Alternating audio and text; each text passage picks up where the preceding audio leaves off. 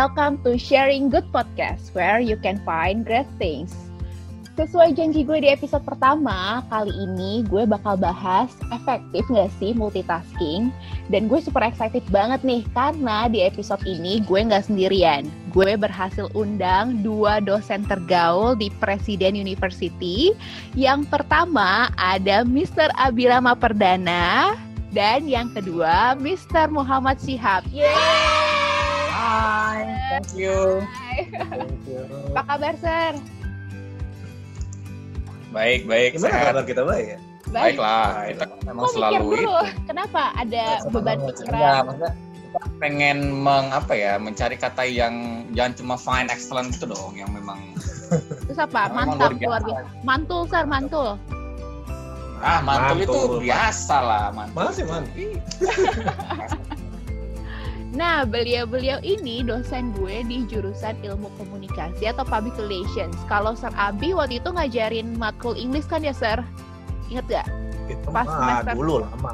Iya, udah lama pas angkatanku loh itu ngajarin English terus uh, Berarti yang cuma Pak Abi yang berarti Ya. cuma Pak Abi yang berkesan. Berkesan berarti. Iya, karena selalu di komennya selalu serem kalau kelasnya Sir Abi kalau ngajarin English. Terus pernah juga semester terakhir ngajarin uh, global communication.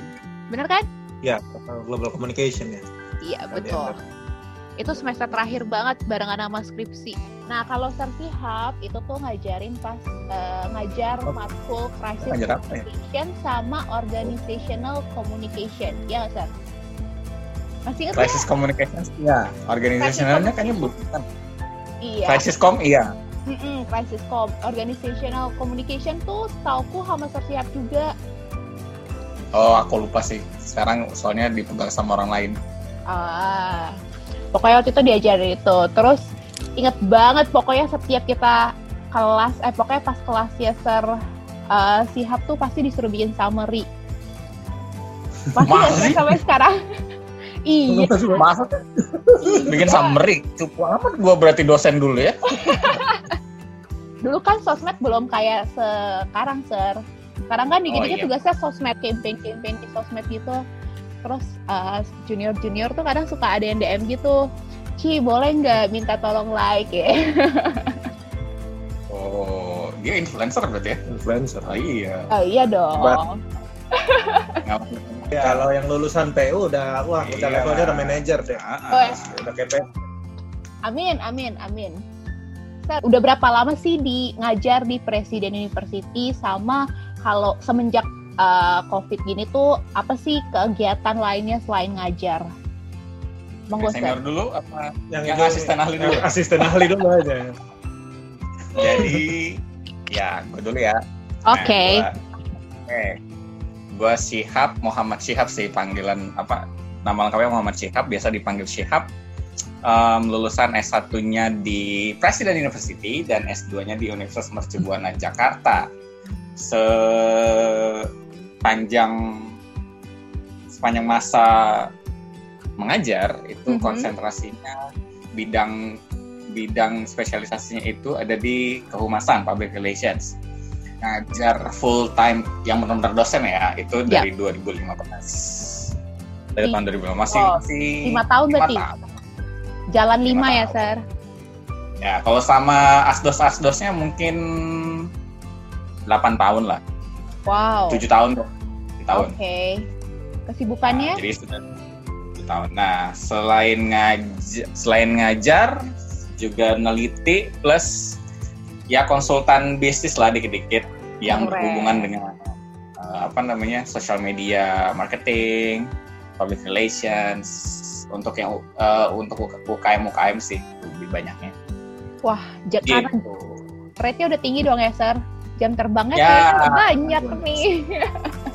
dosen ya karena gue cinta beginian kayaknya Udah biasa pengabdian ya. udah biasa ngabdi gue Itulah kira-kira. Oke, kalau Sir Abi, Nah ini nih, untung gue belakangan. Nah, kenapa gitu tuh? Gue eh dia ini dosen gue loh dulu. untung suara doang ini. Yang sekarang jadi rekan kerja. Eh, Ya. Gue Birama Swastiayana Dian Perdana. mhm, Lumayan ya. Panggilnya Abi. hmm. Abi kalau gue dari 2009. 2009 gabung Presiden University. gue aja gabung PU dari 2008 jadi mahasiswa. Jadi mahasiswa dia 2008. Gua 2009 jadi presiden, jadi presiden. Gua langsung presiden university. Eh, S1 dari Sanata Dharma, Universitas Sanata Dharma Yogyakarta, S2 dari Monash University Australia. Mantap. Kalau S2-nya kan lu dua kali. ya kan S2-nya yang komunikasi aja lah yang kita omongin. Oh iya. S2-nya ya sih dua kali, tapi yang kedua yang berkaitan sama komun ilmu komunikasi yang kedua. Eh tapi dua-duanya Monash ya? Dua-duanya Monash. Woi, gokil. Dua-duanya Monash. Yang pertama apa, Kalau- Sir? Ngambil apa? Yang pertama Master of Education. Hmm. Ya relate lah, Sir. Kan emang mau jadi dosen. ya gitu. Yang kedua baru Master of Communication and Media Studies di Wih. Monash juga. Ntar Vaseline bapernya gelar itu ya? Uh, Vaseline beda, beda. beda, beda, beda school, beda apa? Beda fakultas ya? Eh beda Oh, prodi.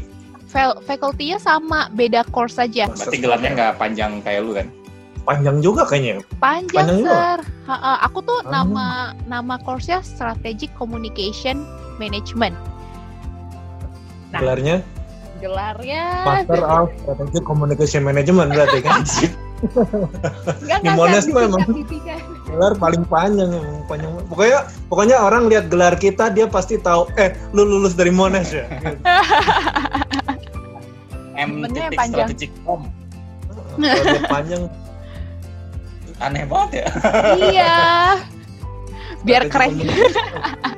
Cocok jadi PR manager Oh iya benar. Iya, Udah lulus. Uh. Kok jadi jadi ajang rekrutmen ini, Sir, podcast ya. Mohon maaf. Audisi kalian gitu. Dia emang nggak usah diam. Langsung kita rekomen. Langsung rekomen. Kesibukannya, Sir, samakah seperti Sir Sihab? Ya, kesibukan sebagai dosen sama sama Mr. Sihab kita mesti ngurusin Tridharma, pengajaran, penelitian, pengabdian masyarakat ya, tiga itu tambah kalau saya ada ini, ada usaha sendiri, penerjemahan dan proofreading. Rate-nya juga udah mahal dong, Sir, ini proofread-nya. Wih, Memang sudah tinggi. Kalau proofreading sama penerjemahan ya alhamdulillah, cuman sama sama saya- yang penting saya sama Mr. Sihab saya juga ini ikut konsultan gitu, Ah. konsultan dalam komunikasi. Jadi kerja bareng lah ya. Ya. Gak salah, Sir, sebutannya bromance. Nggak salah sih. Nggak salah sih. Rahasia gue dia tahu, rahasia dia gue tahu gitu. Wah, padahal mantan dosen loh, Sir. iya, ya begitulah. Dunia-dunia gelapnya kita sama-sama tahu. Gelap-gelap. Tapi jadinya apa ya? Kita temenan-temenan Temenan-temenan. berantem ya berantem, tapi Berantem. temenan lagi. Tapi ya, Nah, tadi kan eh, Serabi sama Sir Siap udah bilang nih kesibukannya apa. Kelihatan tuh kayak padat banget. Apalagi kalau dibilang konsultan, terus jadi translator, proofreader, udah gitu sekarang eh, ngajarnya juga full time kan. Dan lagi online sekarang, pasti kan butuh banget tuh extra effort gitu kan. Pengen tahu dong, Sir, eh, sejauh ini itu tuh time managementnya gimana? time Kita managementnya bagus kan? Nggak yakin deh gue punya Ah, time management. masa sih kita ada, Sir? bisa jadi konsultan time management. Iya. Itu bukan konsultan time management. Tapi maksudnya gini loh, apa namanya? em, apa ya? Memang dunia perdosenan itu bukan hanya ngajar aja sih, Iya. Bukan hanya ngajar. Jadi kalau misalnya orang bilang enaknya jadi dosen ngajar doang, Ngajar itu doang, digaji. Eh, sebentar dulu. Salah kaprah. Salah kaprah. Karena itu tadi tugas dosen itu kan tridharma. Tridharma. Jadi tridharma itu kan melekat dalam pekerjaan dosen. Tridharma itu apa? Yang ngajar iya, kemudian men- apa publikasi penelitian iya, tambah apa namanya pengabdian masyarakat tuh kayak misalnya kegiatan-kegiatan kemasyarakatan misalnya kasih workshop ke UMKM ke masyarakat tertentu nah itu semua tugas dosen jadi kalau misalnya dipikir enak banget ya dosen tuh sekarang on, apalagi sekarang online ngajar cuma online doang ya. Eh ntar dulu. Tugas dosen kan tridharma bukan cuma satu doang gitu. malah kadang jadi ketambahan jadi nggak ada batasan waktu tambah. Kalau Iya. misalnya zaman zaman offline itu kan ada jam kerja katakan gitu ya Ya. business hours. Walaupun pada pada prakteknya kita sebagai dosen itu di luar business hours pun tetap kerja kita pasti kerja karena ngajar itu kan eh, nyiapin materi. Habis nyiapin materi di kelasnya iya kita ngajar. Setelah itu kan kita mesti mereview Ya. grading belum lagi konsultasi skripsi. konsultasi skripsi konsultasi kegiatan anak-anak- kemahasiswaan Nah, anak-anak bimbingan yang bandel-bandel, yang gak jelas gak jelas itu. Kan kan sibuk banget kan nah maksudnya membagi waktunya tuh kayak ya at- eh, bagi waktu ini deh yang si Tridharma itu. Maksudnya kapan? Kalau ngajar kan mungkin tiap hari ya Sir aku nggak tahu sih jadwalnya Serabi dan Sihab selama online tuh gimana. Cara pembagian mengajar terus bikin penelitian bikin lagi pengabdian masyarakat tuh gimana?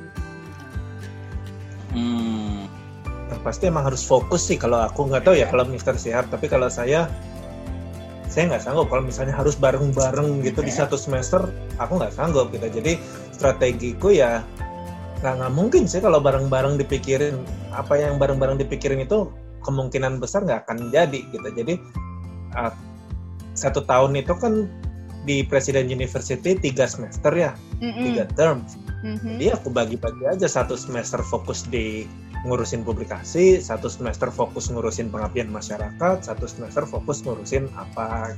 ada juga mata kuliahku yang lain kan misalnya em, mata kuliah marketing communications. Nah ini kayaknya bisa nih dibuatkan pengabdian atau dibuatkan riset.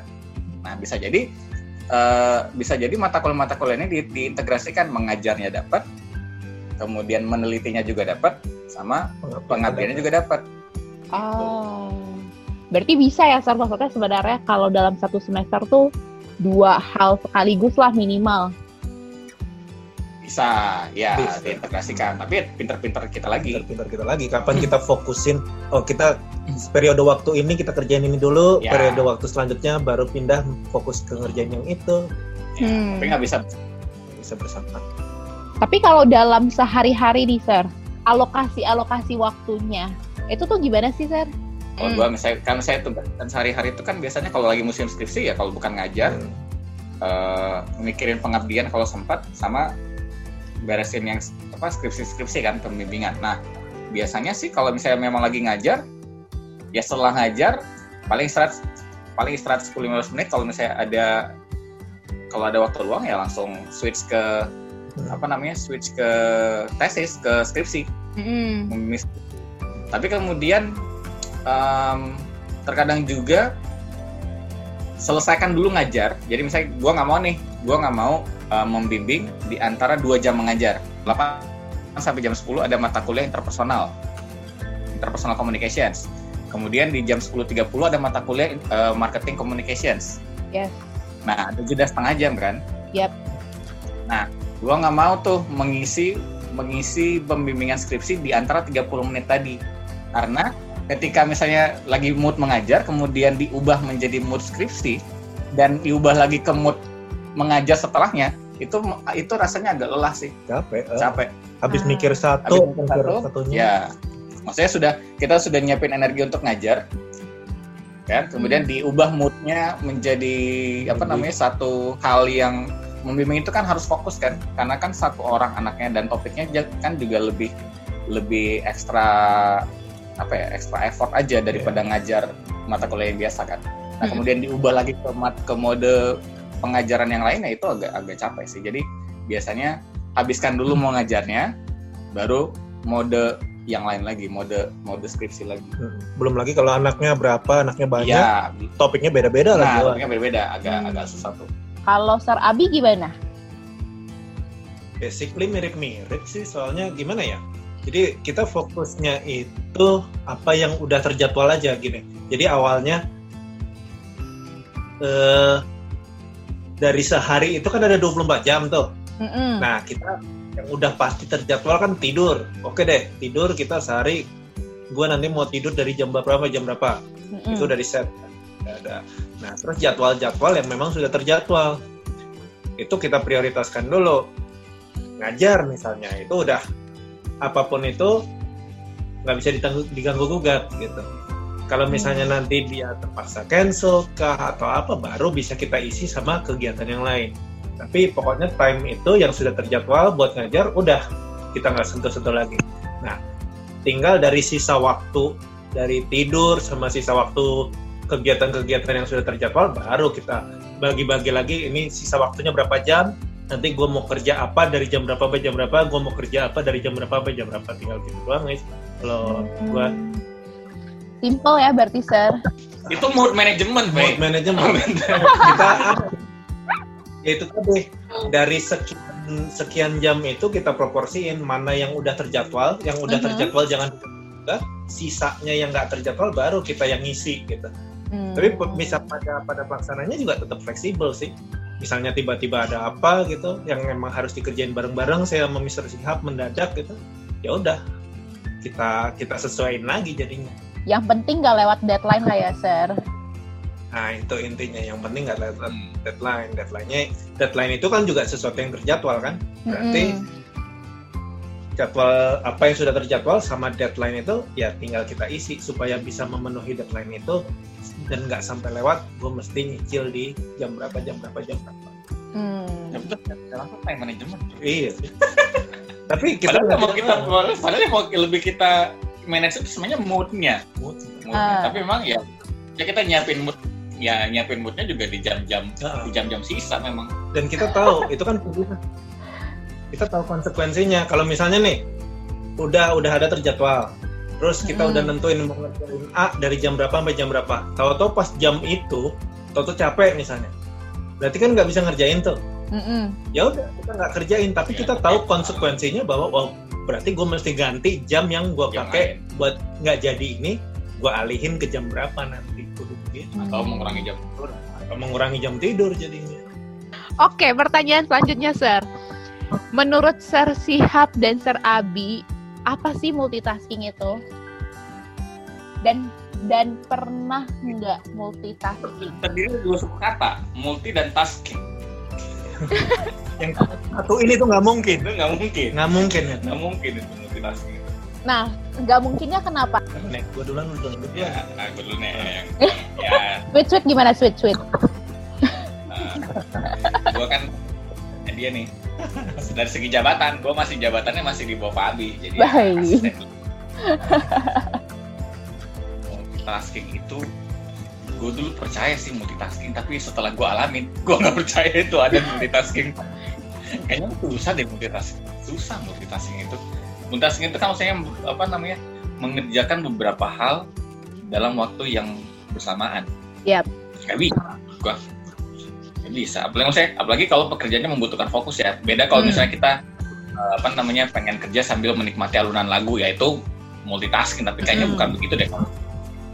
Multitasking itu kan mengerjakan dua hal, ya lebih dari satu hal secara bersamaan dan itu kayaknya nggak. Apa namanya? Bisa, bisa tapi mungkin kalau kalau kalau buat gue itu nggak fokus itu nggak bakal fokus dan kalaupun jadi hasilnya Ya, tidak maksimal. tidak maksimal Hmm. Tapi dulu karena kan tadi Sir Sihab bilang tuh dulu sempat percaya multitasking dan sempat melakukan gitu. Sharing dong Ya. Sir, ap- ngapain sih emang? dulu itu kan suka gue waktu zaman kuliah sih dulu Mm-mm. kan zaman kerjaan kalau dulu itu kan apa suka ngerjain ngerjain apa ya sambil sambil ngerjain dua tugas secara bersamaan. Maksudnya di- diganti-ganti. Di apa namanya Hmm. dalam satu ngerjain tugas A sambil ngerjain tugas B. Maksudnya walaupun satu misalnya tugas A gue kerjain sendiri nih kan? Yes. tugas tugas tugas interpersonal communications gue kerjain sendiri. Nah tapi di dalam dalam satu waktu yang sama gue minta teman gue ngerjain marketing communications. Nanti kalau dia butuh sesuatu dia dia tinggal tinggal tinggal nyolek gue gue aja kan. Ya gue mau nanya ini dong misalnya. Nah itu juga susah. Ya hasilnya jadi tapi tidak. Jadinya cuma apa adanya aja jadi tidak maksimal menurutku. Mhm. Malah jadi stres nggak sih Sir pas multitasking tuh? mau ya Stres stres. Stres sendiri iya.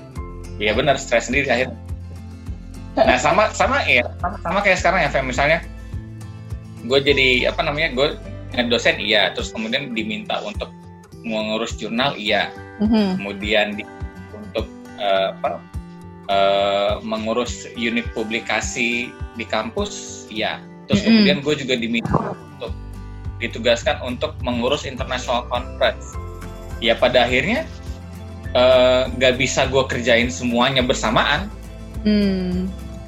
dan pasti akan gue lepas salah satunya yang gue yang yang apa namanya yang gue rasa tidak tidak apa ya tidak realistis Tidak realistis, tidak tidak, rewarding. tidak rewarding jadi banyak banyak pertimbangan Banyak pertimbangan. tapi sekarang sudah melihat bahwa kalau dulu kan kalau masih awal-awal kan yang nggak realistis itu ya gue bikin realistis kan gitu loh. Hmm. nah kalau sekarang gitu udah ini nggak realistis ya gue tinggalin daripada ada ya gue kerjain maksimal tapi hasilnya gue udah tahu nih nggak ini nih kalau misalnya kalau misalnya mau di mau direalisasi itu gue butuh extra effort nah kalau Ya. gue extra effort gue akan kalau gue extra effort gue akan meninggalkan pekerjaan gue yang lain Hmm. Benar, benar, benar. lain Benar. Karena dulu pas multitasking, karena dulu aku juga sempet gitu loh, Sir. Eh, apa selalu berpikir bisa nih multitasking gitu-gitu. Tapi terus ternyata stres sendiri, terus kayak ih kok jadi gak salah malah jadi kayak yang kayak tadi Sir Sihab ngalamin juga eh, bisa sih multitasking, tapi hasilnya jadi nggak maksimal gitu ya kan, Sir? Karena ya selesai tapi nggak bagus hasilnya Iya, ya mungkin di, di judge orang ya kita bisa multitasking, tapi resultnya belum tentu hasil yang maksimal gitu. Nah mungkin Nah, kayak milenial-milenial sekarang tuh masih berpikiran mereka tuh bisa multitasking gitu. Karena ternyata Sir, aku juga baru tahu nih dari si artikel yang aku share juga ke Sir Abi dan Sir Sihab, si menurut Profesor Levitin itu, dia tuh bilang kalau sebenarnya pas kita mul- multitasking itu ibarat kayak eh, kita tuh kecanduan gitu loh, kecanduan sama zat dopamin. Jika kayak mungkin ya anak-anak milenial sekarang kayak terlihat bilang energinya masih banyak, terus yang kayak apa yang eh, impossible tuh dibikin jadi maksudnya ya udah dikerjain lah pokoknya semua semuanya itu karena ketika kita berhasil ya namanya juga manusia ber- ketika kita berhasil achieve sesuatu kita kan jadi kayak senang sendiri gitu kan sir terus katanya tuh ketika kita senang ya si zat dopamin itu tuh ada gitu. Nah karena kita merasakan si zat dopamin itu yang bikin mood kita jadi bagus, kita jadi kayak selalu bersemangat. Wah bisa nih ngerjain tugas dalam sekaligus banyak. Berarti terus besok-besoknya tuh lanjut lagi gitu, lanjut lagi gitu. Nah terus ternyata sekarang akhirnya Sir Sihab dan Sir Abi sudah mencerahkan diriku juga kalau ya itu multitasking tuh nggak selamanya efektif. Terima ya mungkin semua, orang semua orang akan multitasking semua orang punya masa multitasking Faye. menurutku ya kasih. menurutku semua orang akan melewati proses multitasking dulu jadi semua semua pekerjaan mau dikerjain sama dia tapi pasti pada titik satu titik tertentu dia merasa bahwa Gila. Sebo. capek itu nggak bisa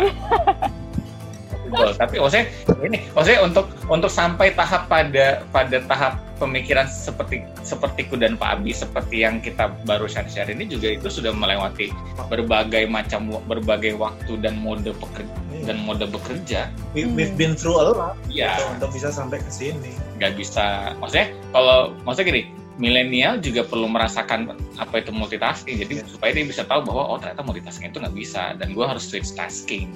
Dan merasakan bahwa ya, memang nggak harus berhasil terus kok gitu. iya. Makanya jadi kembali kayaknya memang bisa jadi mereka menemukan yang multitasking tadi itu, yang katanya si profesor tadi itu, Aha.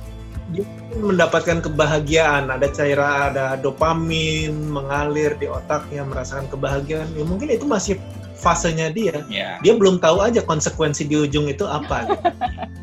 Gitu. Itu pasti ada kan kita ngedrak, kita ngedrak itu kan juga ada dopamin masuk, kita Iya. jadi happy gitu. Tapi kan Benar. konsekuensinya tidak bagus gitu kan. Nah, itu Iya. bisa jadi dia juga belum tahu konsekuensi di ujung itu Iya. apa. Nah, kami sudah sampai di momen di mana oke, otak gue tuh mesin. Yes. Pada saat kita on fire, mesin itu lagi panas. Tapi pada saat nggak mungkin juga itu akan kita biarkan panas terus. Yang ada burn out dia iya betul kebakar mesin itu. we, we have to know kapan harus berhenti atau memang sudah saatnya berhenti ngerjain kegiatan ini kita berhenti dulu kita cooling down nah di saat cooling down itu kita menemukan apa yang bikin kita happy Hmm. Apa yang bikin kita happy itu satu sama lain juga beda-beda. Mister Ya. Sihab main dulu ke mana Ya. gua main apa. Misalnya Mister Siap oh gua gua snacking dulu deh gua ngemil-ngemil dulu main ke mana? Saya sendiri di kubikel main game misalnya. We, we have our own way buat ya Ya. apa kebahagiaan kita ya kita sendiri yang cari nah pada saat udah udah happy udah beralih siap beralih kegiatan lainnya kita panasin lagi otak kita mesin kita. Baru switching ke kegiatan selanjutnya Oke. Gitu. Jadi nggak nggak salah sih, tapi itu itu proses, itu itu proses yang harus dilalui. Jadi dia dia nggak mungkin bisa switch tasking kalau dia belum merasakan multitasking. Wow. Bisa Oke. jadi. Yes. Make sense, sir. Maksudnya gue gue nggak ngerasa bahwa gue nggak ngerasa bahwa milenial bakal langsung switch tasking, enggak. Nah kita kayaknya emang udah di sudah pada momen di mana kita udah tahu. Multitasking itu nggak Iya. mungkin kita adanya Mhm. fokus satu pindah satu lagi pindah satu lagi gimana kita waktunya membagi waktunya untuk pindah-pindah itu kembali ke pilihan dan konsekuensi yang kita ketahui sendiri-sendiri gitu. Iya kan? Oke. Ya kayak tadi bilang, gue juga pernah mera- m- pada masa ya sama kayak mungkin kayak milenial yang masih ini ya, milenial yang masih Millennial yang Junior, masih- sir. galau. Ah, pada masa itu memang memang percaya bahwa ya gue bisa ngerjain banyak hal kok dalam satu waktu.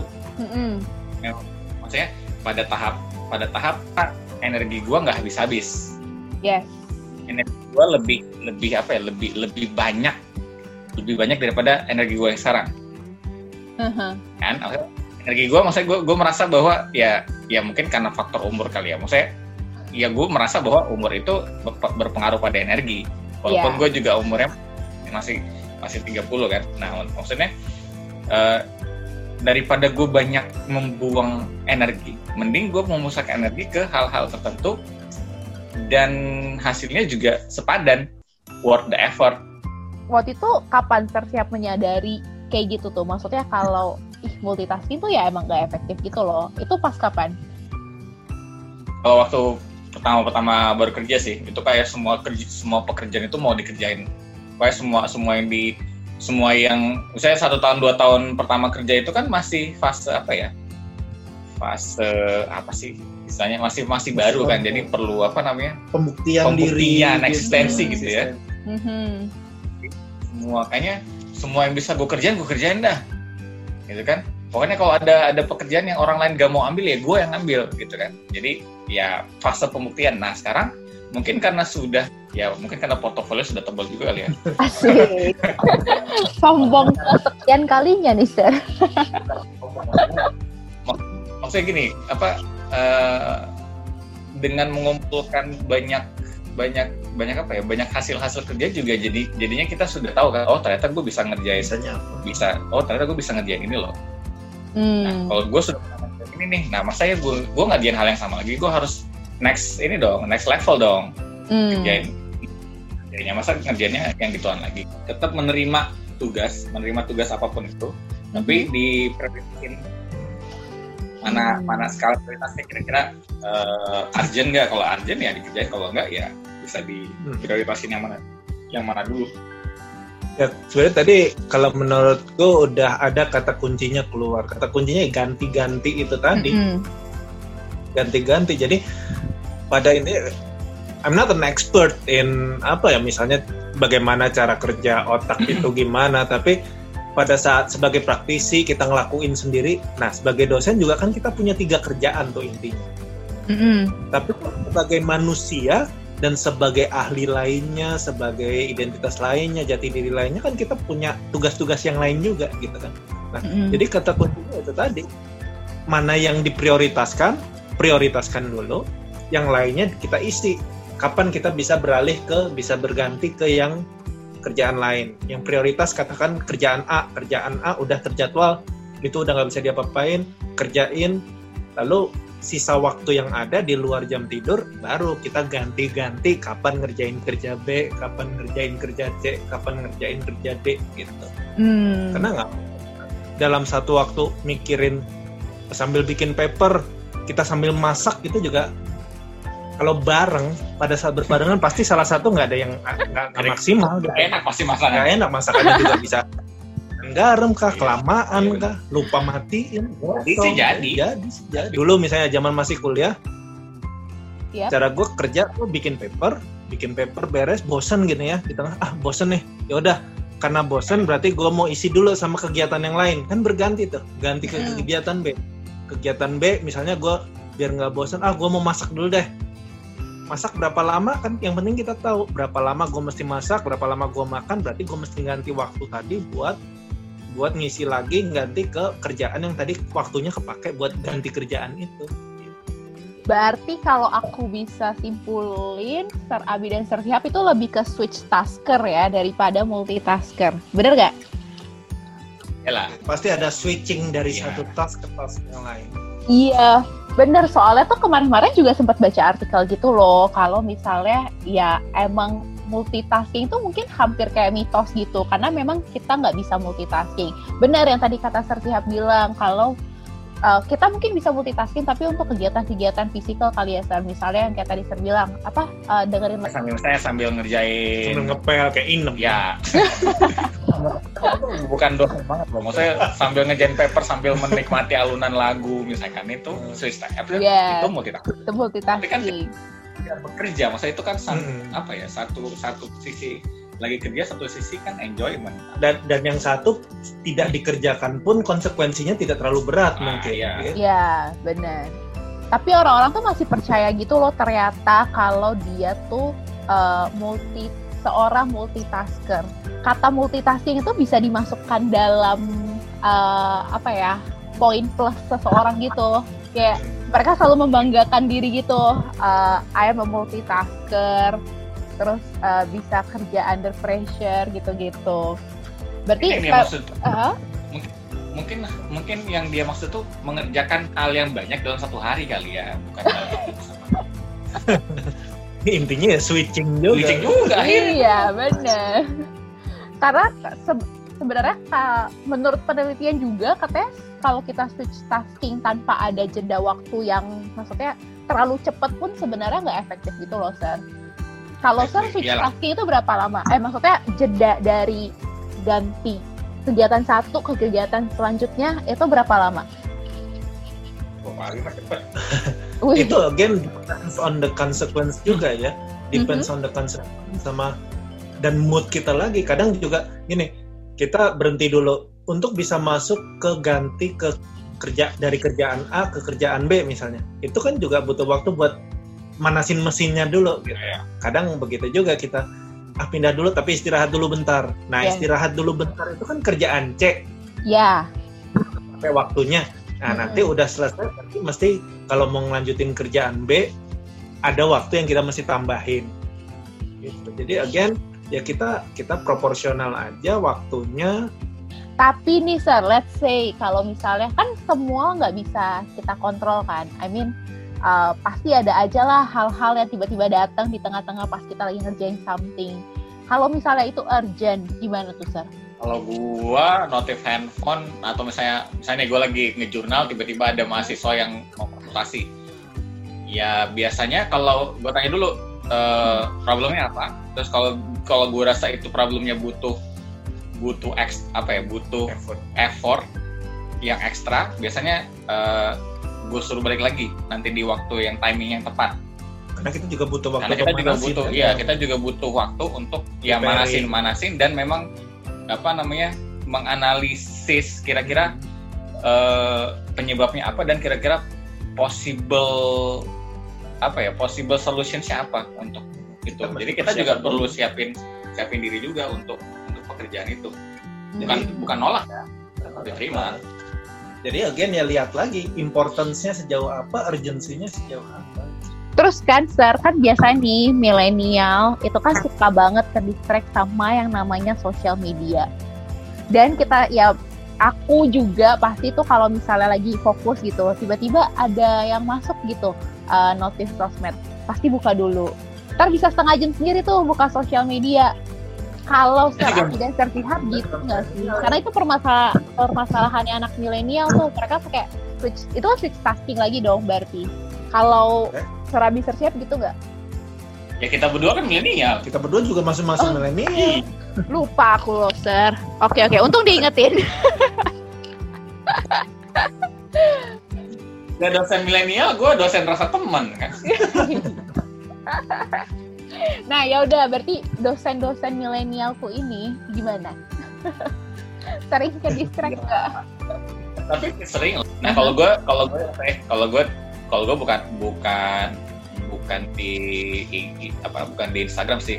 Gue Mhm. itu membeda. Kalau gue di WhatsApp, Fe, gue itu membedakan ringtone tiap Mhm. orang yang dekat nih. Ringtone lu WhatsApp, ringtone, ringtone Veselin WhatsApp gue itu berbeda ketika Pak Abi yang WhatsApp. Really? Really? Ketika Pak Pak Raudi sebagai Kaprodi Yes. WhatsApp gue ringtone-nya beda lagi. Jadi gue tahu apa mana ringtone yang harus mana mana orang-orang yang harus dibales. Nah, Jadi- nah gue biasanya ke bagian yang ntar dulu, Fe. Ya, ketahuan deh. Jadi gue tahu Fe. Tapi itu itu itu beneran Fe. Jadi apa namanya orang-orang tertentu yang gue Aha. anggap penting itu ringtone-nya berbeda. Itu lah Fe. Maksudnya itu itu lumayan membantu loh. Maksudnya maksudnya menjaga mood. Iya, benar-benar. Wah, boleh tuh, Sir, jadi tips. Lumayan, aku baru tahu bahkan. Kayak ada orang yang sampai kayak gitu ya. Kalau gue tahu gue pengen lagi gangguin dia, gue spamming tuh. Bunyi terus. Tapi maksudnya itu jadi apa? Karena karena ada berbeda. Kalau gue ya, gue apa enjoy banget tuh kalau misalnya ringtone gue itu ber- bunyinya berbeda-beda. Mhm, mhm. Jangan-jangan Sir Sihab juga punya waktu sendiri untuk main sosial media. Ya sih. Alokasi waktu khusus sih enggak, tapi itu itu hanya menjadi apa ya? Hanya menjadi distraktor saja. Maksudnya distraktor dalam artian gini. Ya kalau gue lagi suntuk, ya gue mau ngedistraktnya ke sosial media. Bukan, maksud dia dia dia belum tentu bisa mengganggu mendistrak pekerjaanku. Gue yang memang sengaja menjadikan dia sebagai eh, distraktor. Wow, cool. Sosial media itu atau waktu-waktu buat yang nggak penting nggak penting itu sebagai switching, switching key. Iya. Jadi Ah. pada saat kita mengerjakan kegiatan A, bosen mau ngerjain kegiatan B kan ada waktu cooling down dulu dari kegiatan A. Nah pas cooling Yes. down itu kita baru main medsos, Medsos tadi sama sambil ngopi bareng. ngopi bareng atau ngobrol atau eh, apa ngobrol apa main-main bareng gitu. Nah itu jadi switching key-nya cooling down dari kegiatan sebelumnya, switching untuk manasin mesin buat kegiatan selanjutnya. Nah, tapi mungkin ini kali ya yang membedakan milenial senior sama milenial junior.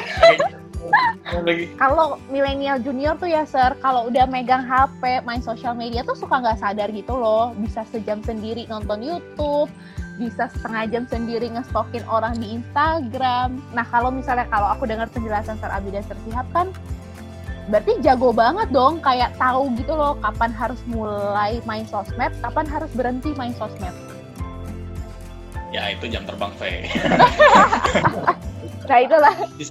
Ya, karena jam terbang itu kita jadi tahu hidup itu kan pilihan gitu lah. Iya. Nah, pada saat kita memilih melakukan sesuatu, berarti ada konsekuensinya di ujung pilihan itu. Pada Hmm. saat kita memilih yang lain, di ujungnya pilihan yang lain itu ada konsekuensi yang lain juga. Ah, tinggal kita kita sendiri yang tahu dan si pilihan apa pun yang kita ambil terserah kita ambil itu. Yang penting kita siap menghadapi konsekuensi di ujung pilihan itu. Mhm. Ya. Oke. Nah, itu tadi dari segi sosial media ya, Sir, untuk eh, sosial media sebagai distraktor lah. Sekarang kalau misalnya nih kita lagi ngerjain tugas atau ngerjain apa pun, tiba-tiba kadang suka kepikiran ya, otak tuh tiba-tiba kayak inget, oh iya belum ambil laundry, oh iya eh ntar siang eh, pesan makan apa ya gitu. Itu kan sebenarnya juga distractor kan.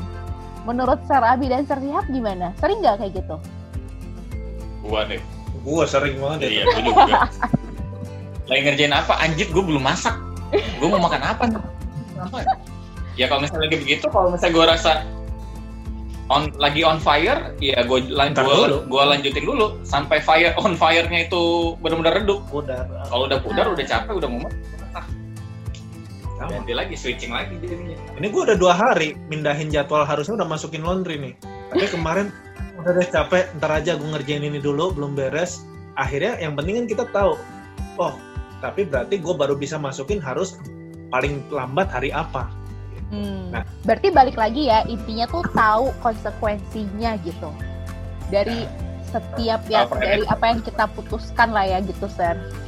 Sebelum pindah ke tugas baru nih sir, gimana caranya supaya kita bisa moodnya jadi mood kerjaan baru gitu? Apa yang sir lakukan selain Oh, selain menjadikan sosial media sebagai distraktor atau fiturnya sir Sihab? media. Kalau ini di kantor ya, kalau ini di, kalau ini di kantor kerja secara fisik, um, biasanya selain sosial media, biasanya keliling dulu tuh. Kan Mhm. kan uh, ruanganku kan lantai tiga.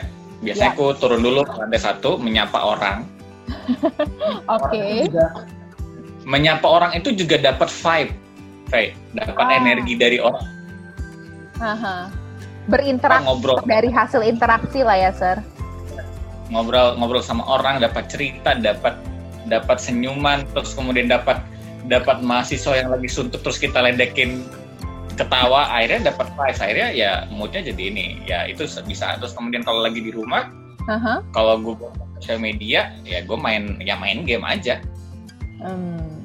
Game aja sampai tapi maksudnya ya itu tadi apa namanya main gamenya juga mindful jangan jangan jangan jangan keterusan Again, saya sepakat sama Mr. Siap. Kita jaga mood kita. Gimana caranya supaya cooling down-nya bikin kita enak, bikin kita happy, supaya kita siap mesin panas lagi buat ngerjain kegiatan selanjutnya. Gitu. Hmm. pernah lihat Pak Abi nge-story marah-marah kan nah itu tuh melepas Itu energi melepas energi.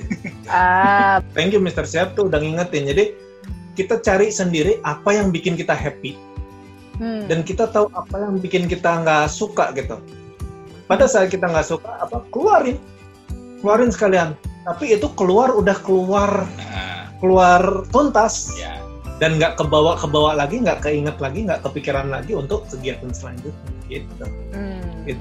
kalau gue kalau dia nge-story yang marah-marah kayak itu berarti dia lagi fokus apa tiba-tiba ada ada ada satu hal yang mengganggu ritme kerjanya dia atau Iya. mengganggu moodnya dia nah ini pasti keluar tuh benar nggak sih gue Bener banget. tuh. Berarti gue udah, itu itu momen gue buat cooling down. Nah, gue cooling Ah. downnya gue lepasin tapi habis itu gue udah nggak inget-inget lagi Oke, berfaedah sekali ya, Sir. Kita malam ini ngobrol-ngobrol ya. berbeda loh. biasanya biasanya kita cuma marah-marah mulu Fe Permintaan terakhir, Sir, dari mantan muridnya ini. Share pesan atau tips dong buat teman-teman yang dengerin podcast kita kali ini, Sir, tentang time management kayak uh, atau tentang uh, terutama di dunia perkuliahan karena mana tahu uh, listener kita ada dari mahasiswa mahasiswinya Sir Abi dan Sir Sihab. kalau gue sih balik ke yang apa kata kunci tadi itu iya semua. sih itu juga sudah sudah jadi tips ini maksudnya ada gantian nih gue dulu nih ya Boleh? boleh boleh, boleh. Finally, kalau pesan gue nih ya dari yang tua dulu kan katanya jam terbang tadi ya. Ya, iya jam benar-benar. itu tadi kita kudu tahu. Kita harus tahu ritme kita hidup tuh kayak gimana sih? Kita sendiri yang tahu pilihan-pilihan hidup kita apa dan dalam menghadapi atau memilih pilihan hidup itu kita harus tahu di ujungnya itu konsekuensi pasti selalu ada dan konsekuensi itu mau nggak mau akan selalu kita hadapi. Nah, kita harus siap pilihan hidup apa yang kita ambil konsekuensinya apa mengerjakan kegiatan A sebelum beralih ke kegiatan B kudu gimana hmm. Nah. kudu gimananya itu kita ada waktu untuk manasin mesin mesin panas kerjain tahu waktu untuk nurunin atau dinginin mesin nah dinginin mesin itu kita sendiri yang tahu gimana sih kita find happiness kita kayak gimana sih gimana cara kita supaya happy lagi happy dan siap untuk manasin mesin lagi ngerjain ke kegiatan satu kalau gue Ya. sih udah sampai ke tahap, tahap hidup yang seperti itu Mhm. ya setuju sih pilihan konsekuensi plus disiplin sih Ya, disiplin. Ya, Benar, benar, benar. pilih dan sudah tahu konsekuensinya ya tinggal tinggal disiplin saja mengatur waktu ses- dan apa namanya mendisiplinkan diri mengikuti uh, jadwal-jadwal yang sudah mood-mood tadi mood dan jadwal yang sudah diset tadi Yes. Oke, segitu dulu aja kita bahas-bahas soal multitasking versus switch tasking. Terima kasih banyak Sir Abi dan Sir Sihab sudah meluangkan waktunya untuk hadir di podcastku. Yeay, maaf ya Sir kalau banyak kesalahan teknis atau um, dengan peralatan yang sangat-sangat minim ini. Semoga hasilnya bagus. Sama-sama newbie kok di sini. The tea. Nanti aja, udah nggak usah spill the tea. Thank you loh, kita merasa terhormat loh di. Thank you banget. Baru kali ini kita ngomong Baru kali berfaedah. kita ngomong berfaedah dan ada di podcast orang ya. Baru kali. Baru Vaseline. Ini kalau bukan Vaseline kita bukan nolak kali. Wow. Ini kan Vaseline. Sama Bangga sekali loh aku ini. Thanks a lot, Sir Abi dan Sir Sihab. Kalau kamu mau kenal lebih dekat dengan dua dosen kece ini, langsung aja follow Instagram mereka di... Ayo, Sir. Promosi Mana ya? dong. aneh ya. Nah, gua sih di Muhammad Syihab. M O H A double M A D S H I H A B.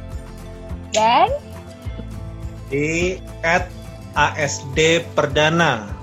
Alpha Sierra apa tuh? Delta Alpha Echo Romeo Delta Alpha November Alpha ASD Perdana. yes, jangan lupa di follow ya. Dan pastikan kamu juga follow podcast ini dan share juga ke berbagai sosial media supaya lebih banyak lagi yang dapat hal-hal baik. Keep sharing and be inspired. See you on the next episode.